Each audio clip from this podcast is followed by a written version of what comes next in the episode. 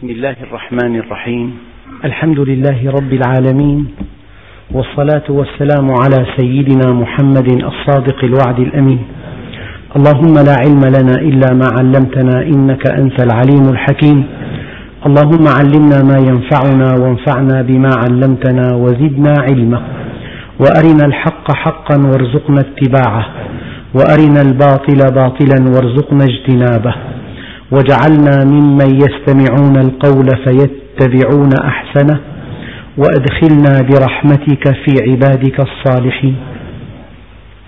أيها الإخوة المؤمنون مع الدرس الثاني عشر من سورة العنكبوت وصلنا في الدرس الماضي إلى قوله تعالى أتل ما أوحي إليك من, من الكتاب وأقم الصلاة إن الصلاة تنهى عن الفحشاء والمنكر ولذكر الله أكبر والله يعلم ما تصنعون.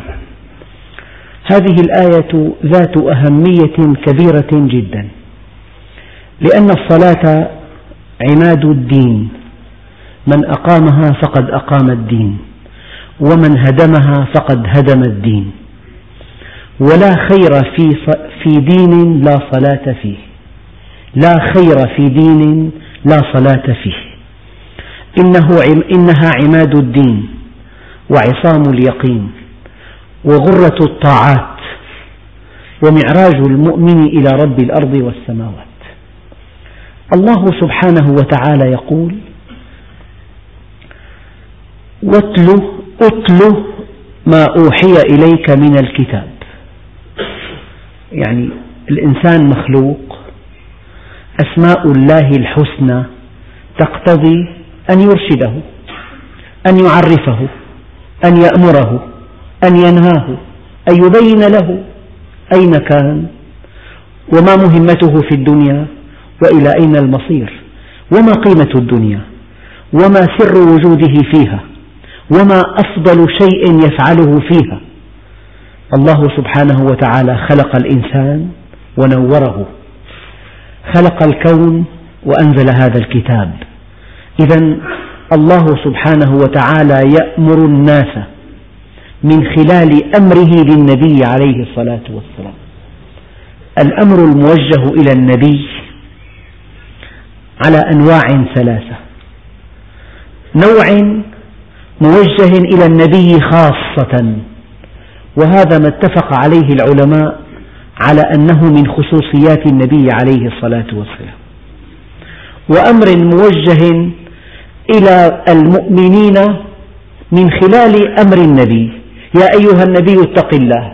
ما في الكون إنسان أشد تقوى لله من النبي؟ إذا هذا الأمر موجه إلى المؤمنين من خلال أمر النبي. وأمر موجه إلى المؤمنين والنبي معا. فحينما يقول الله عز وجل يخاطب رسول الله صلى الله عليه وسلم أتل ما أوحي إليك من الكتاب.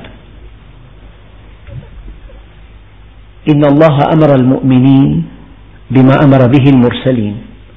إذا كان هذا الأمر موجها إلى النبي عليه الصلاة والسلام فهو موجه استنادا لقول رسول الله صلى الله عليه وسلم إن الله أمر المؤمنين بما أمر به المرسلين هذا الأمر موجه إلينا. إذا أنت مأمور أن تتلو هذا الكتاب لأن فيه تعريفا لحقائق الكون والحياة وحقيقة الإنسان. هذا الكتاب تعليمات الصانع.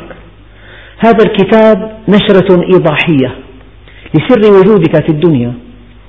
إذا أيها المؤمن عليك أن تتلو هذا القرآن لأنه خطاب خالق الأكوان لهذا الإنسان. شيء عجيب جدا أن يعرض الإنسان عن تلاوة القرآن قبل أن يفهم مضمونه. هل, هل تصدق أن إنسانا جاءته رسالة لم يفتحها ولم يقرأها بل نبذها. المنطق يقول اقرأ ما في الرسالة. إن أعجبتك خذ بها إن لم يكن كذلك انبذها. أما أن تنبذها قبل أن تقرأها قبل أن تقف على حقائقها قبل أن تعرف مرسلها قبل أن تعرف سرها حكمتها هذا موقف فيه غباء شديد. فالإنسان أنت إنسان. الله سبحانه وتعالى خاطبك بهذا القرآن. يا أيها الناس اعبدوا ربكم. يا أيها الذين آمنوا آه، افعل لا تفعل. أعطاك أمر أعطاك نهي. وعد وأوعد وبين وفصل وذكر الماضي والحاضر والمستقبل. إذا نحن المؤمنين مأمورون أن نتلو هذا الكتاب من خلال أمر الله لنبيه عليه الصلاة والسلام أن يتلو ما أوحي إليه. يجب أن نتلوه كي نعرف الله عز وجل. فإذا عرفناه لا بد من حركة لا بد من موقف لا بد من توجه لا بد من اتجاه إلى الله عز وجل. يعني أنت أولا تعرفه وثانيا تتصل به. أولا تعرفه وثانيا تطيعه. تعرفه تتقرب إليه. تعرفه تسعد بقربه. الآية منطقية.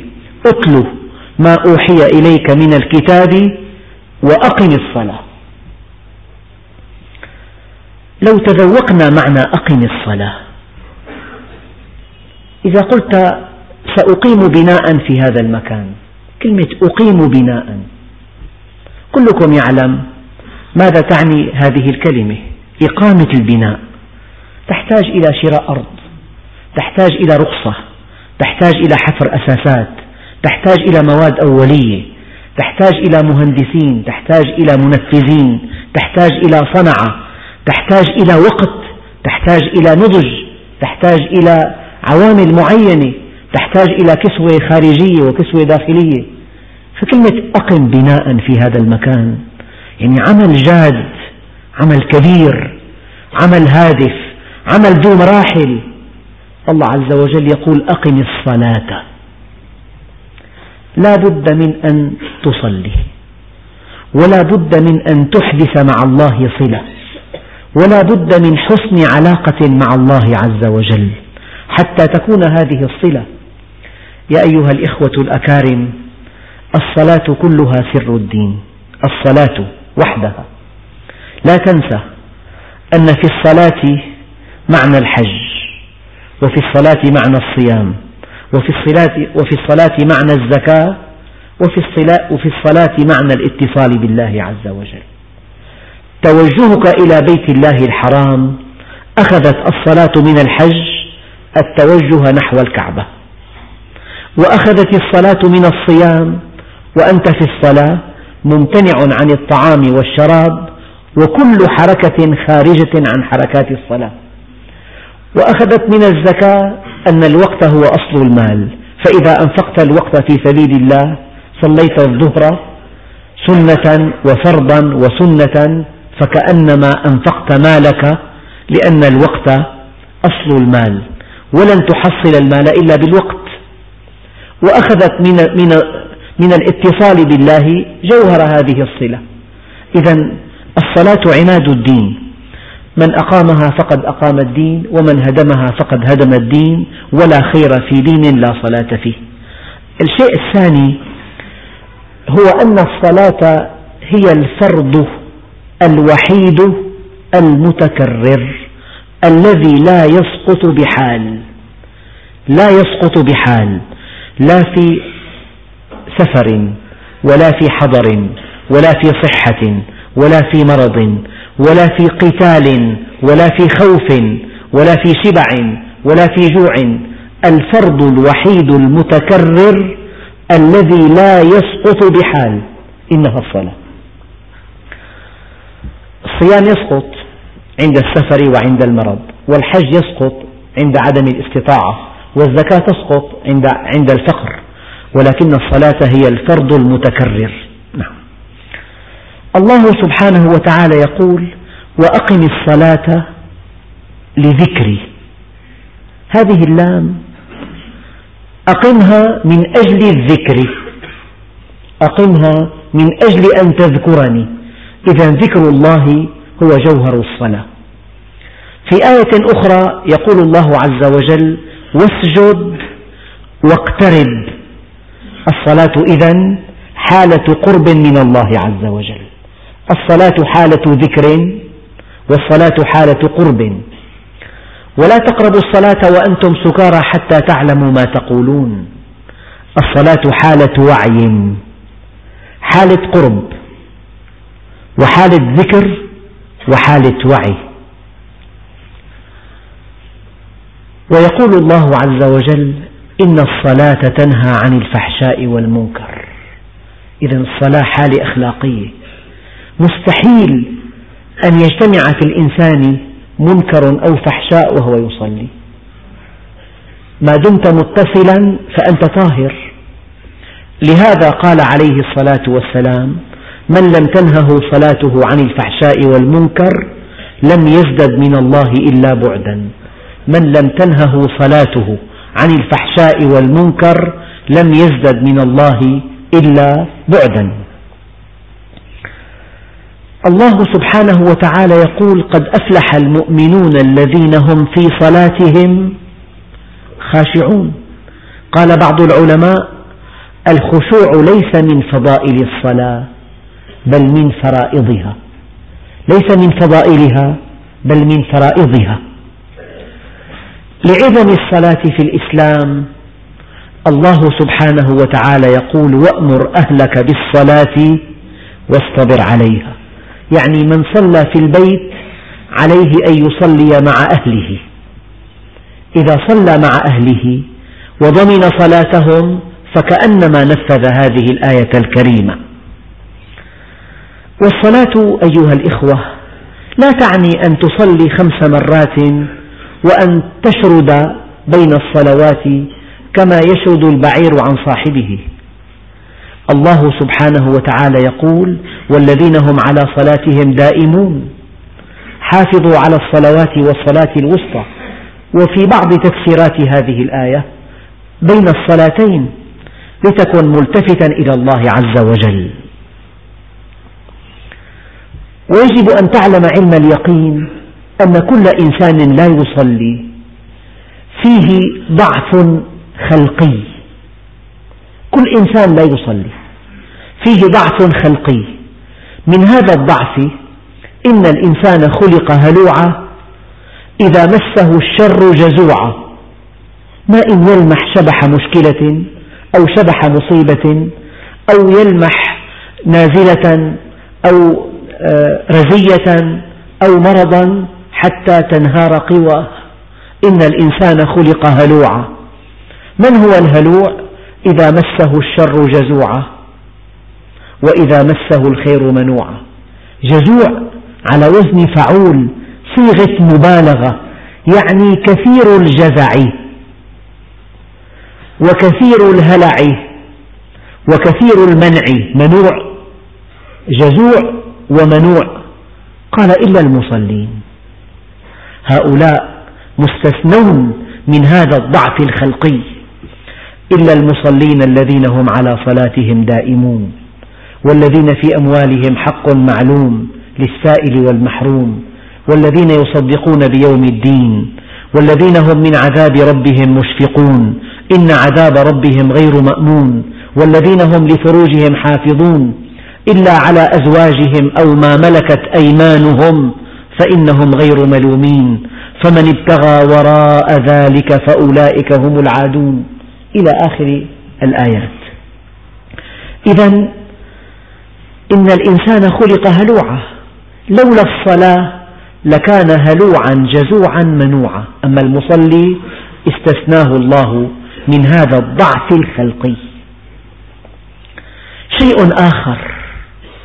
هل تصدقون أن كل ما تعانيه الأمة الإسلامية من مصائب ومن رزايا ومن مشكلات ومن ضعف ومن تفكك ومن ومن إلى ما لا نهاية؟ فخلف من بعدهم خلف أضاعوا الصلاة واتبعوا الشهوات فسوف يلقون غيا سوف يلقون غيا أضاعوا الصلاة فاتبعوا الشهوات أو اتبعوا الشهوات لأنهم أضاعوا الصلاة.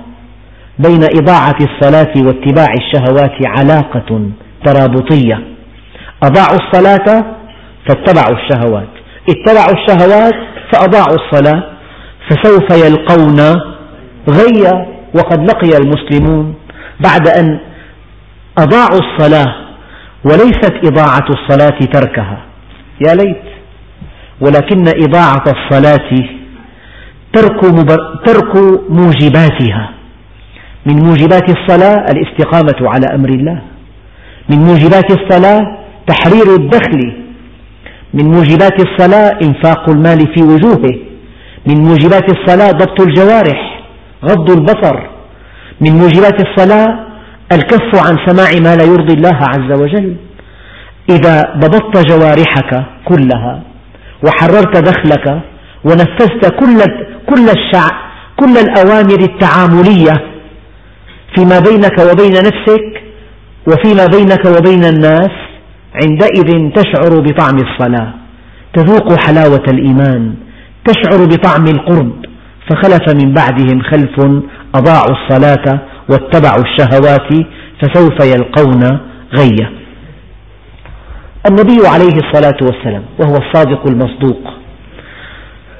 هو حبيب رب العالمين سيد ولد آدم. هو المبلغ عن الله عز وجل. يقول ليس للمرء من صلاته إلا ما عقل منها. ليس لك من هذه الصلاة إلا ما عقلت منها.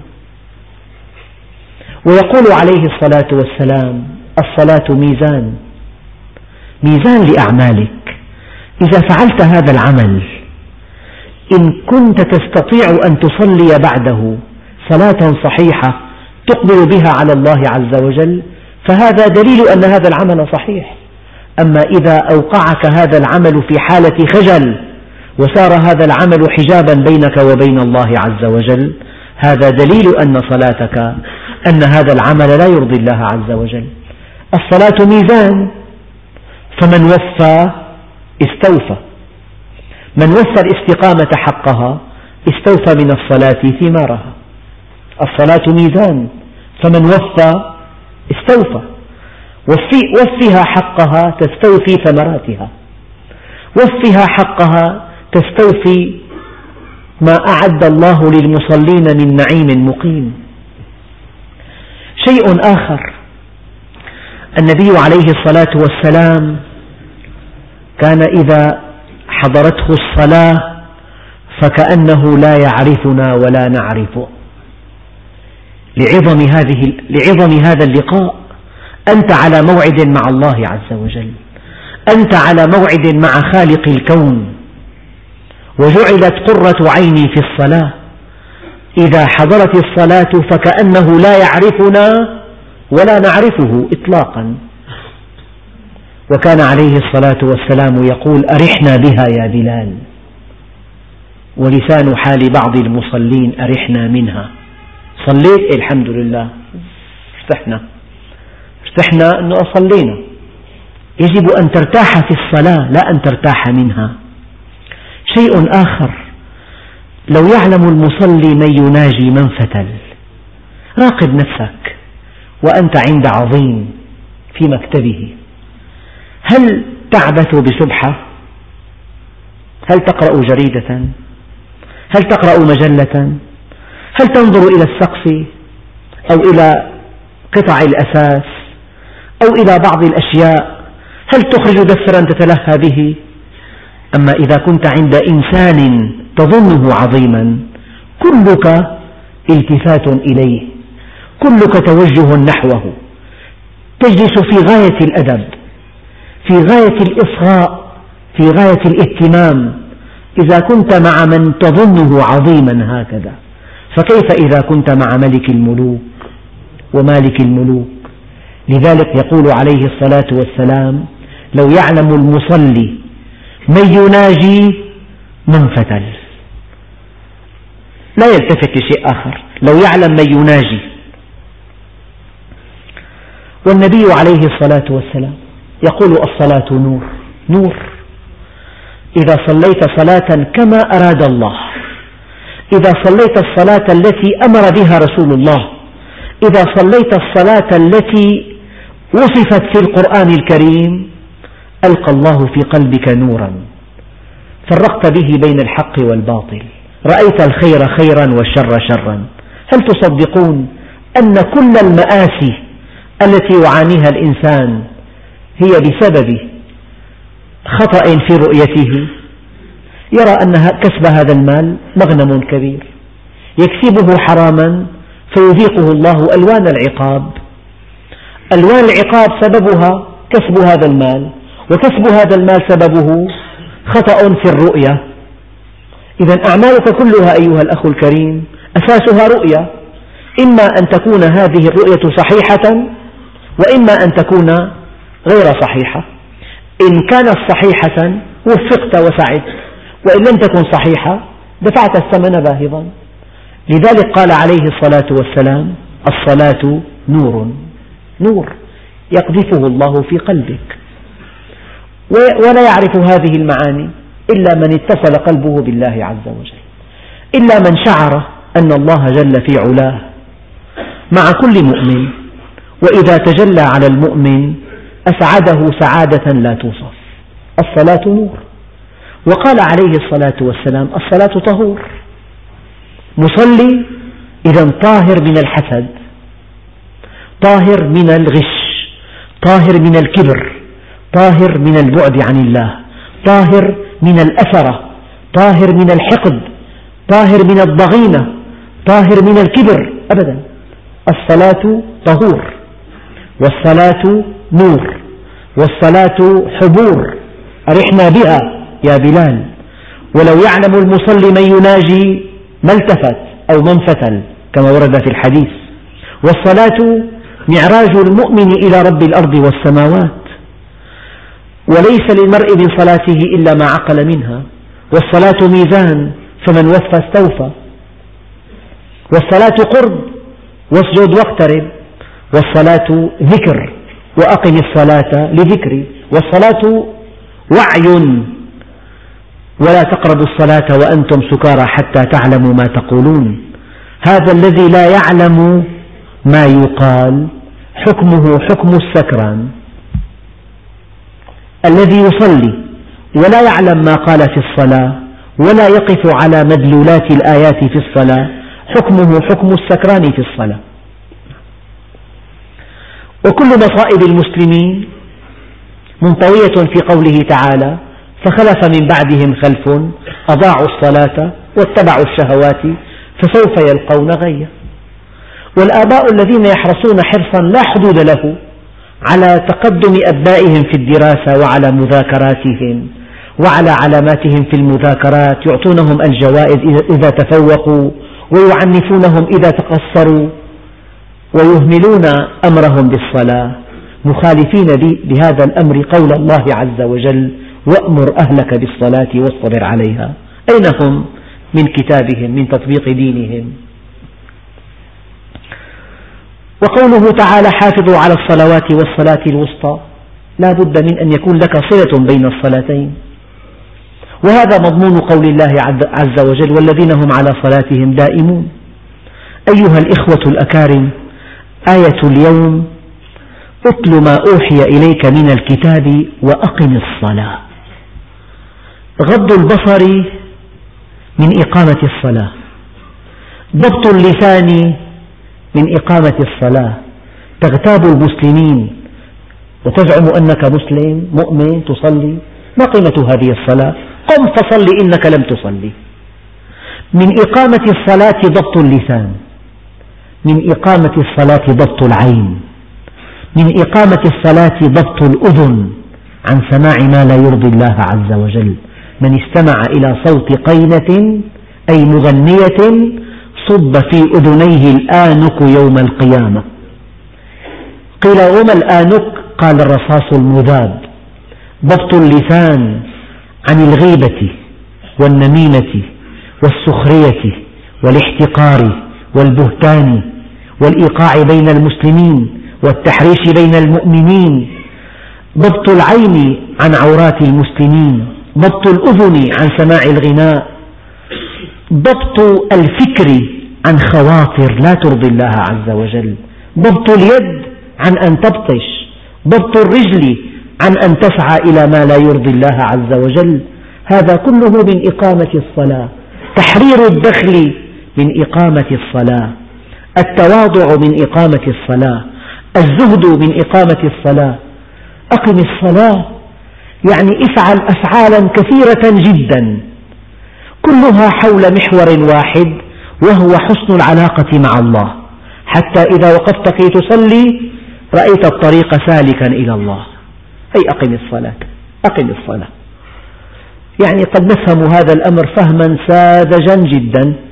أخي أقم الصلاة الله أكبر الله أكبر أشهد أن لا إله إلا الله. هذا من إقامة الصلاة. أما إقامة الصلاة التي أرادها الله عز وجل بضبط كل جوارحك وضبط كل حركاتك وسكناتك وعلاقاتك وفق منهج الله عز وجل. ما من شعور يشعره المصلي وقد وقف بين يدي الله عز وجل من أنه على منهج ربه مطيع لله عز وجل في كل شؤون حياته. هذا الشعور هو الذي يعينك على الصلاة. شعورك أنك على طاعة الله وفق منهج الله وفق آه، أمر الله. هذا الشعور الذي يعين على الصلاة. إذا هذا معنى قول الله عز وجل وأقم الصلاة. قال إن الصلاة هذه الألف واللام في الصلاة ماذا تعرب يعني إن الصلاة المعهودة. إن الصلاة التي أرادها الله عز وجل. إن الصلاة التي تنجو بها. إن الصلاة التي تجعلك على صلة مع الله حقيقية. هذه الصلاة لماذا قال الله عز وجل ذلك بأنهم كفروا بالله ورسوله؟ كفروا بالله ورسوله. ولا يأتون الصلاة إلا وهم كسالى. ولا ينفقون إلا وهم كارهون. معناها في صلاة ما أرادها الله. كذب وصلاة غش وصلاة احتيال وصلاة ظلم وصلاة كبر وصلاة هذه الصلاة التي معها الكبر والغش والحسد والضغينة والحقد والاستعلاء وكسب المال الحرام هذه ليست الصلاة لهذا ورد في الحديث القدسي ليس كل مصل يصلي ليس كل مصل يصلي إنما أتقبل الصلاة ممن تواضع لعظمتي هل عرفت من تصلي له؟ هل عرفت من تقف بين يديه؟ هل عرفت من تقول له الله أكبر؟ سمع الله لمن حمده. هل عرفت من تقول له سبحان ربي العظيم سبحان ربي الأعلى؟ ليس كل مصل يصلي. إنما أتقبل الصلاة ممن تواضع لعظمتي. وكف شهواته عن محارمي. استقامة تعظيم واستقامة ولم يصر على معصيتي. توبة تلو توبة. توبة تلو توبة. كلما وقعت في مخالفة تبادر إلى التوبة. إنما أتقبل الصلاة ممن تواضع لعظمتي وكف شهواته عن محارمي ولم يصر على معصيتي وأطعم الجائع بذل. وكفى العريان ورحم المصاب وآوى الغريب. كل ذلك لي إخلاصا. دخلنا بموضوع جديد. كف الجوارح عن الشهوات المحرمة من إقامة الصلاة. والبذل والتضحية وإنفاق المال وتقديم الخدمات وتقديم الخبرات ومعاونة المؤمنين وغير المؤمنين ورعاية اليتامى والأرامل وإنفاق المال هذا أيضا من إقامة الصلاة. إقامة الصلاة بالكف عن المحارم وبالبذل كف وبذل الكف سلبي والبذل إيجابي إذا حينما قال الله عز وجل أقم الصلاة أنت إذا أردت أن تلقى إنسانا تحرص على لقائه المثمر قد تقدم له هدية. هديتك إلى الله عز وجل خدمة عباده. والدليل هذا الدليل.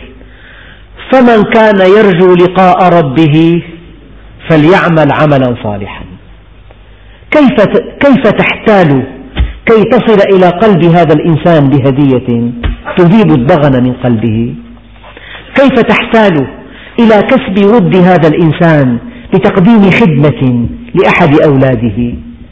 كذلك إذا أردت أن تعقد مع الله صلة إذا أردت أن تتصل به أن تنعم بقربه أن يتجلى الله عليك فمن كان يرجو لقاء ربه فليعمل عملا صالحا. قضية واضحة جدا قضية مبذولة لكل الناس. كل إنسان إذا أراد أن يلقى الله عز وجل لقاء في أثناء الصلاة فليعمل عملا صالحا ولا يشرك بعبادة ربه أحدا. عمل صالح بنية عالية.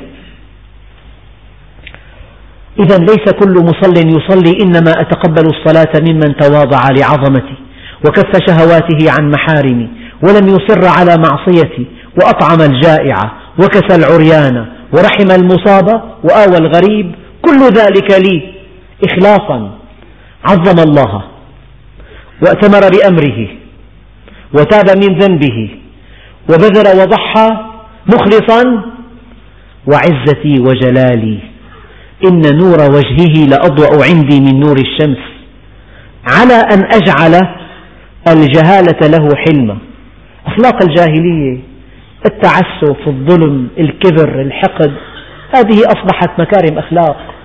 هذه علامة المصلي. المصلي يجب أن تحبه. لا بد من أن تحبه. لا بد من أن تذوب به وجدا. لأنه كامل. إن مكارم الأخلاق مخزونة عند الله تعالى.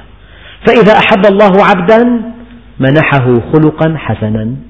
إذا أحب الله عبدا في أثناء الصلاة منحه خلقا حسنا. على أن أجعل الجهالة له حلمة والظلمة نورا يدعوني فألبيه. والظلمة نورا كان في عمى فأصبح على بصيرة. كان في جهالة فأصبح على علم يدعوني فألبيه. اقتربوا قليلا ويسألني فأعطيه. ويقسم علي فأبره. أكلأه بقربي وأستحفظه ملائكتي مثله عندي كمثل الفردوس لا يمس ثمرها ولا يتغير حالها. أتل ما أوحي إليك من الكتاب وأقم الصلاة إن الصلاة تنهى عن الفحشاء والمنكر. إن الصلاة التي أمرها الله عز وجل تنهى عن الفحشاء والمنكر. الفحشاء ما قبح فعله وقوله. تعريف الفحشاء في اللغة. الشيء الذي عظم قبحه فعلا وقولا. في قول فاحش وفي عمل فاحش. والمنكر كل شيء أنكرته العقول السليمة. المنكر ما أنكرته العقول والفحشاء والفحشاء ما عظم قبحه كلاما أو فعلا. من أولى مكاسب الصلاة من أولى ثمار الصلاة من أولى نتائج الصلاة من أولى آه، مكتسبات الصلاة أنها تنهى صاحبها عن الفحشاء والمنكر. يصلي إذا لسانه منضبط. هنا في دقة في معنى دقيق. أنت قد تنضبط خارجيا. يعني مثلا لو أن إنسان يحب الغناء وسمع أن النبي عليه الصلاة والسلام نهى عن, الغناء عن سماع الغناء كف عن سماع الغناء حينما يكف عن سماع الغناء انضبط خارجيا. لو أنه ركب مركبة وأطلق فيها المذياع على أغنية كان يحبها وتجاوبت نفسه مع هذه الأغنية. ما الذي يقال في هذا المقام؟ يقال إنه انضبط خارجيا لكن نفسه بقيت متعلقة بهذا الماضي الذي عاشه. ولكن, ولكن المصلي إذا صلى صلاة صحيحة بعد حين بعد وقت يطهر من الداخل. المؤمن في أول طريق الإيمان يشتهي المعاصي ولا يفعلها ولكن بعد مرحلة من الزمن يمقت المعاصي ويكرهها. صار في تطور. هي من آثار الصلاة؟ أنت إذا فكرت أن الله أمر بكذا ونهى عن كذا قضية سهلة. إذا لا أفعل هذا الأمر. يا ترى لا تفعله وأنت مشتاق إليه؟ لا تفعله وأنت متمن أن تفعله؟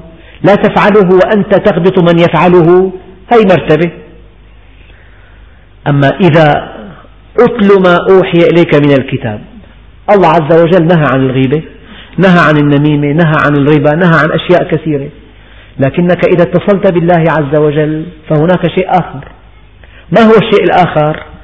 أن الصلاة تنتهي من أن النفس الإنسانية تنتهي من داخلها الآن. لا تحب الفحش. لا تحب هذه المعصية. يعني لو نعم العبد صهيب لو لم يخف الله لم يعصه. لو أتيح لك أن تفعل هذه المعصية. ولن تحاسب عليها لا تفعلها. هذه من ثمرات الصلاة. نفسك تعافو الرذيلة تعافو المعصية تعافو المنكر. وقد وصف النبي عليه الصلاة والسلام هذه الحالة فقال قال في هذا المعنى أن أن المؤمن يكره أن يعود في الكفر بعد إذ أنقذه الله منه كما يكره أن يلقى في النار. من علامة صحة الإيمان أن الله سبحانه وتعالى إذا أنعم عليك بنعمة الإيمان وانتقلت من حال إلى حال لا شيء يزعجك ويمقتك ويحز في نفسك كأن تذكر حياة الجاهلية. كيف كنت متفلتا كيف كنت غير منضبط لا في أقوالك ولا في أفعالك ولا في شهواتك. لذلك علامة المصلي أن نفسه تتهذب من داخلها.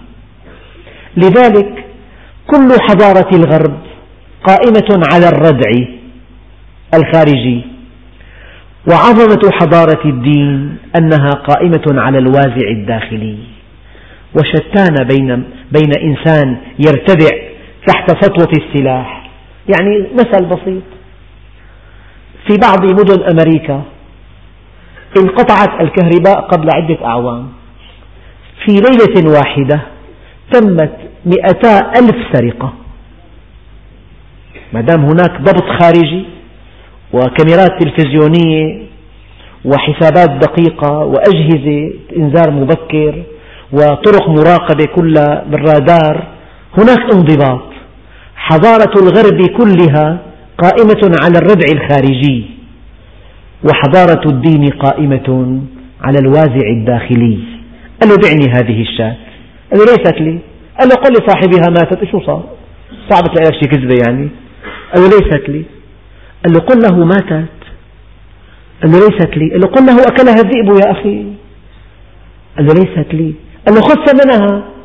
قال والله إنني لفي أشد الحاجة إلى ثمنها. أنا في أشد الحاجة إلى ثمنها. ولو قلت لصاحبها ماتت أو أكلها الذئب لصدقني.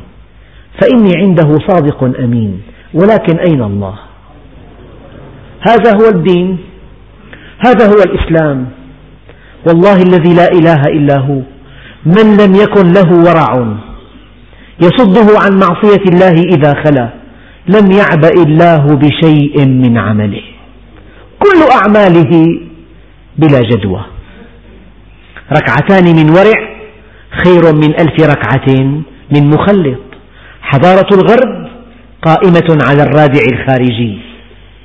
الانضباط السلوكي هناك بسبب أجهزة بالغة الدقة. لو أن إنسان تجاوز السرعة المقررة التقطت لسيارته صورة مع آه، لوحته الخلفية ودفع الثمن الباهظ جزاء هذه المخالفة.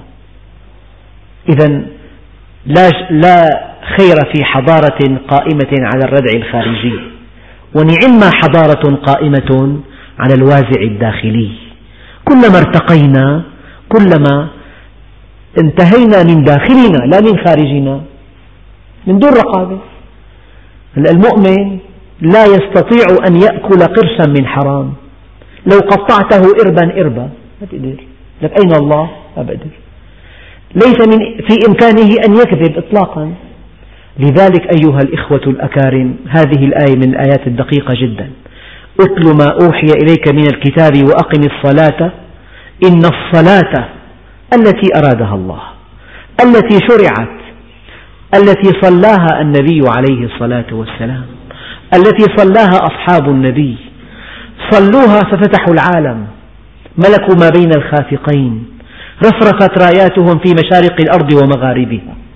رفع الله ذكرهم مكنهم في الأرض استخلفهم في الأرض مكن لهم دينهم أبدلهم من بعد خوفهم أمنا.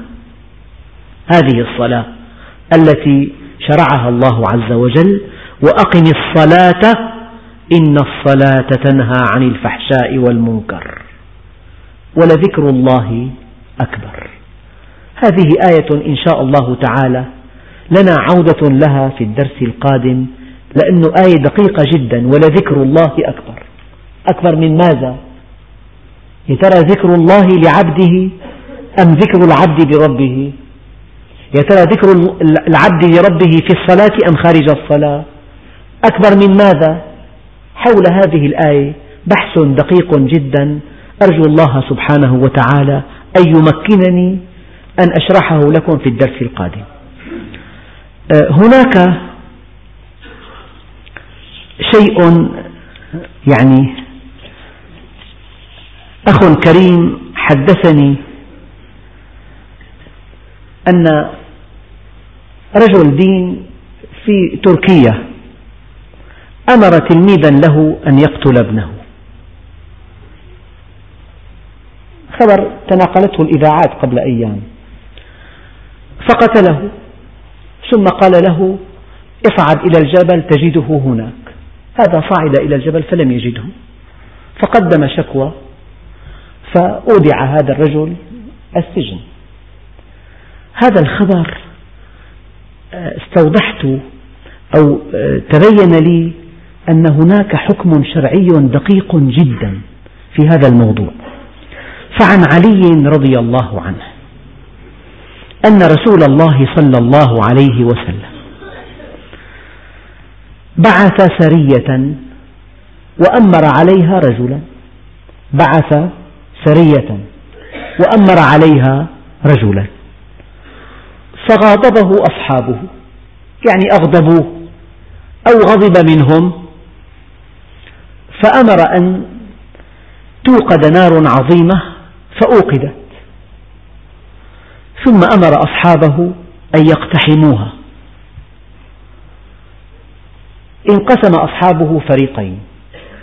فريق هم أن يقتحمها تنفيذا لأمر هذا الأمير.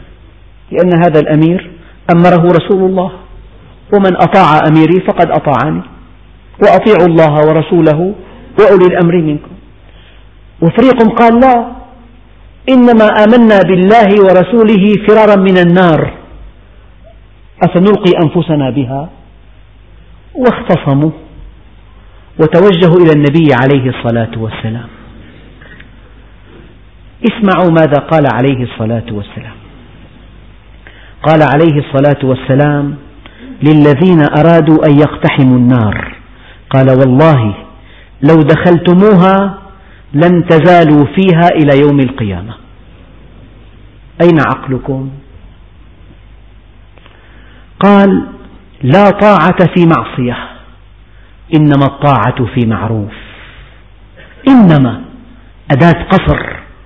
الطاعة في معروف. إذا أمرك هذا الرجل أن تصلي فهذا بالمعروف. أن تغض بصرك أن تؤدي زكاة مالك أن تنزه دخلك عن الحرام. إذا أمرك فيما هو معروف وقال بعض العلماء المعروف هو أمر الله عز وجل وسنة النبي عليه الصلاة والسلام. شوفوا الدين ما أوضحه. يعني شيء رائع جدا الإنسان يكون على بصيرة. قل هذه سبيلي. أدعو إلى الله على بصيرة أنا ومن اتبعني. إنما الطاعة في معروف حصرا. أما قال النبي الكريم والله لو دخلتموها لم تزالوا فيها إلى يوم القيامة. سيدنا الصديق رضي الله عنه ما طلعت شمس على رجل بعد نبي أفضل من أبي بكر. لو وزن إيمان الخلق مع إيمان أبي بكر لرجح. اثنين. ما ساءني قط. ثلاثة. صدوا كل خوخة علي إلا خوخة أبي بكر ومع ذلك قال قد وليت عليكم ولست بخيركم. إن أحسنت فأعينوني وإن أسأت فقوموني. الصدق أمانة والكذب خيانة. أطيعوني ما أطعت الله فيكم فإن عصيته فلا طاعة لي عليكم. يعني رائع جدا أن يكون المتعلم واعيا. أذن أبو محمد. إذا حينما قال عليه الصلاة والسلام لا طاعة في معصية إنما الطاعة في معروف. قال أهل العلم المعروف هو الذي يوافق الشرع. إذا لا طاعة بخلاف الشرع. هذه القصة كانت سبب نزول قوله تعالى الآية 59 في سورة النساء. قال تعالى يا أيها الذين آمنوا أطيعوا الله وأطيعوا الرسول وأولي الأمر منكم. فإن تنازعتم في شيء فردوه إلى الله والرسول. إن كنتم تؤمنون بالله واليوم الآخر ذلك خير وأحسن تأويلا. ولهذه الآية تفسير دقيق جدا إن شاء الله تعالى في الدرس القادم. نفسر هذه الآية بعد صلاة العشاء لأنها متممة لهذه القصة التي حصلت على عهد النبي عليه الصلاة والسلام. شيء آخر إخوة كرام وكثر يرفعون بعض الأسئلة. كل سؤال يحتاج إلى درس بكامل. وقد يكون موضوعه خاص يخص أخا واحدا أو أخوين. فأنا على استعداد أن أجيب عن كل سؤال خارج وقت الدرس. بعد الدرس أو في إن شاء الله بذهني أن أعين وقت محدد للإجابة عن كل الأسئلة. الآن ليس واضحا في ذهني متى هذا الوقت ولكن كل إنسان طرح سؤال أنا على استعداد أن أجيبه وهذه أمانة التبليغ. ولكن أن أجيب عن كل هذه الأسئلة هنا بعد نهاية الدرس نحتاج إلى ساعتين أخريين كي وإن عالجنا الموضوع معالجة سريعة غير صحيح. لا يجوز أن يعالج موضوع معالجة مبتورة من دون أدلة من دون بيان آراء المذاهب. فإن شاء الله أصحاب هذه الأسئلة أنا على موعد معهم كي أجيبهم عن أسئلتهم غير هذا اليوم. والحمد لله رب العالمين.